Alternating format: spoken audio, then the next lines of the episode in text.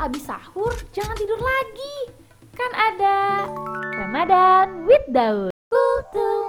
Assalamualaikum warahmatullahi wabarakatuh Halo sahabat daun dan peserta Ramadan with Daun Alhamdulillah hari ini memasuki puasa hari ketiga Nah masih semangat gak nih? Pastinya masih semangat dong Ini kan baru awalan ya Oke di podcast kali ini kita bakal bahas tentang keberkahan makan sahur dan sunah-sunah ketika berbuka puasa Nah, jangan kira sahur dan berbuka puasa itu asal makan saja, asal kenyang saja, tapi ternyata banyak keutamannya loh. Nah, di bulan Ramadan ini ada amalan sunnah yang bisa kita jalani yaitu makan sahur. Amalan ini ternyata disepakati oleh para ulama dihukumi sunnah dan bukanlah wajib. Sebagaimana kata Imam Nawawi, maka sahurlah kalian karena dalam makan sahur terdapat keberkahan. Masya Allah, yang namanya keberkahan itu kan turunnya dan tetapnya kebaikan dari Allah pada sesuatu. Berkah itu bisa mendatangkan kebaikan dan pahala, bahkan bisa mendatangkan manfaat dunia dan akhirat. Tapi perlu kita ketahui bahwa barokah itu datangnya dari Allah yang hanya diperoleh jika seorang hamba mentaatinya. Jadi, siap mentaati perintah Allah gak nih? Nah, kita kupas aja langsung yuk keberkahan dalam makan sahur itu apa aja sih kak? Yang pertama, memenuhi perintah Rasulullah Shallallahu Alaihi Wasallam terdapat dalam Quran surat An-Nisa ayat 80 Barang siapa yang mentaati Rasul, sesungguhnya ia telah mentaati Allah. Dan barang siapa yang pal yang berpaling dari ketaatan itu, maka kami tidak mengutusmu untuk menjadi pemelihara bagi mereka. Oke, yang kedua, makan sahur merupakan syiar Islam yang membedakan dengan ajaran ahli kitab Yahudi dan Nasrani. Karena perbedaan antara puasa kita dan puasa ahli kitab Yahudi dan Nasrani adalah makan sahur. Dalam hadis riwayat Muslim nomor 1096. Berarti sahur ini istimewa banget ya. Kemudian yang ketiga, dengan makan sahur, keadaan fisik lebih kuat dalam menjalani puasa. Beda halnya dengan orang yang gak makan sahur, pasti lemas, letih, lesu. Kemudian yang keempat, Orang yang makan sahur mendapatkan salawat dari Allah dan doa dari para malaikatnya. Masya Allah. Berarti kalau misalkan ada yang gak bangun sahur, sayang banget ngelewatin salawat dari Allah dan didoain dan didoain sama para malaikat. Ya, makanya sahabat daun sama peserta Ramadan with daun harus pada bangun sahur ya. Kemudian Waktu makan sahur adalah waktu yang diberkahi karena ketika itu Allah turun ke langit dunia. Masya Allah, berarti di sepertiga malam ketika kita makan sahur, Allah turun melihat kita sedang makan sahur dan uh, sedang menjalani perintahnya ya. Masya Allah, sayang banget sih kalau misalkan kita ngelewatin waktu sahur ini. Kemudian yang selanjutnya, waktu sahur adalah waktu utama untuk beristighfar. Jadi, waktu sahur ini bisa kita manfaatin untuk memohon ampunan sama Allah atas dosa-dosa kita di masa-masa yang lalu. Karena ketika menuju saum, ketika menuju bulan puasa, amalan buku amalan kita kan ditutup ya. Kemudian, Orang yang makan sahur dijamin bisa menjawab adzan sholat subuh dan juga bisa mendapati sholat subuh di waktu secara berjamaah karena kita udah stay ya sebelum subuh dan after subuh kita nggak bobo lagi.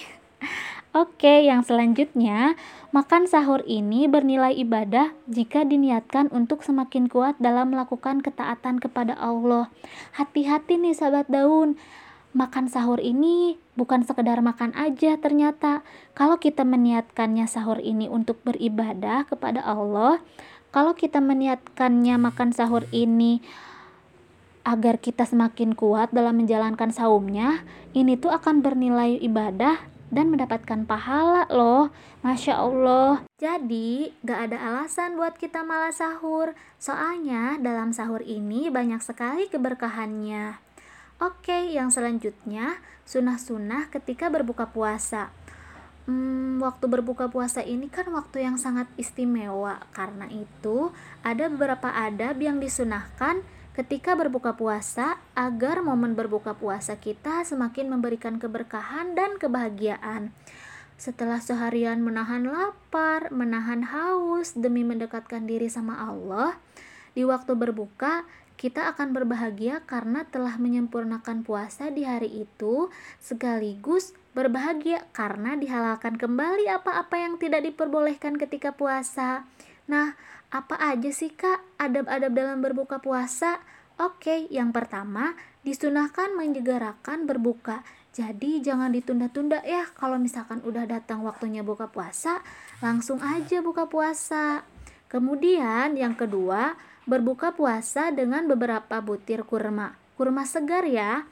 Pilih pertama untuk berbuka puasa adalah kurma segar. Jika gak, jika tidak ada, maka dengan beberapa butir kurma kering.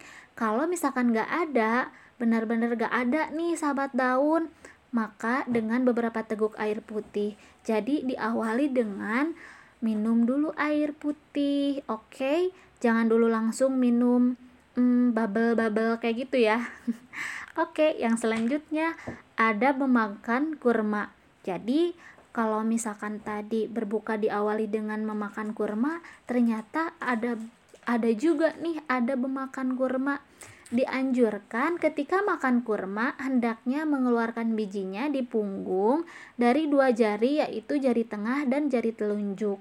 Nah ini tuh supaya tangan kita nggak kotor.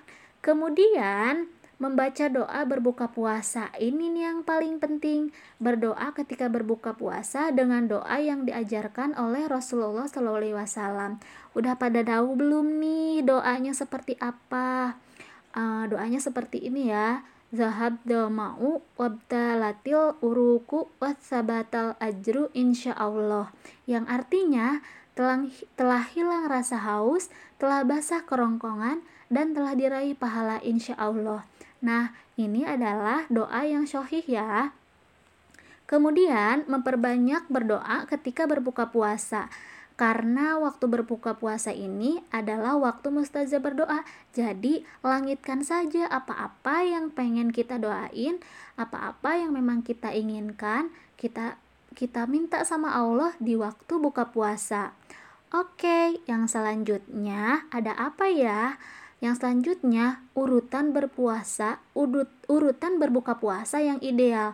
Ternyata bukan hanya tubuh yang harus ideal ya. Ternyata berbuka puasa pun ada urutan yang idealnya. Satu, memperbanyak doa beberapa saat sebelum datang waktu maghrib. Jadi perbanyak doa sebelum datang waktu maghrib.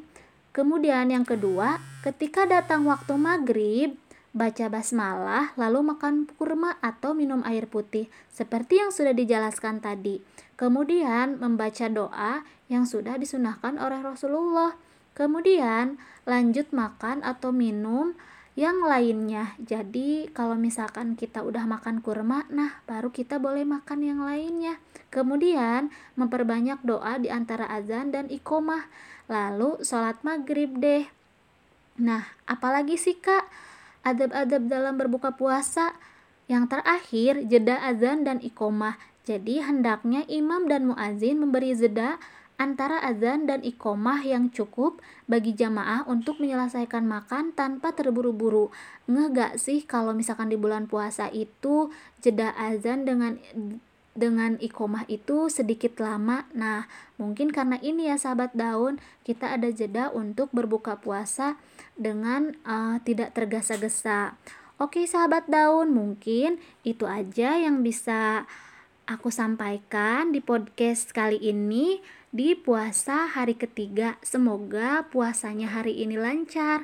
Semangat! Terima kasih sahabat daun. Wassalamualaikum warahmatullahi wabarakatuh. Bye bye.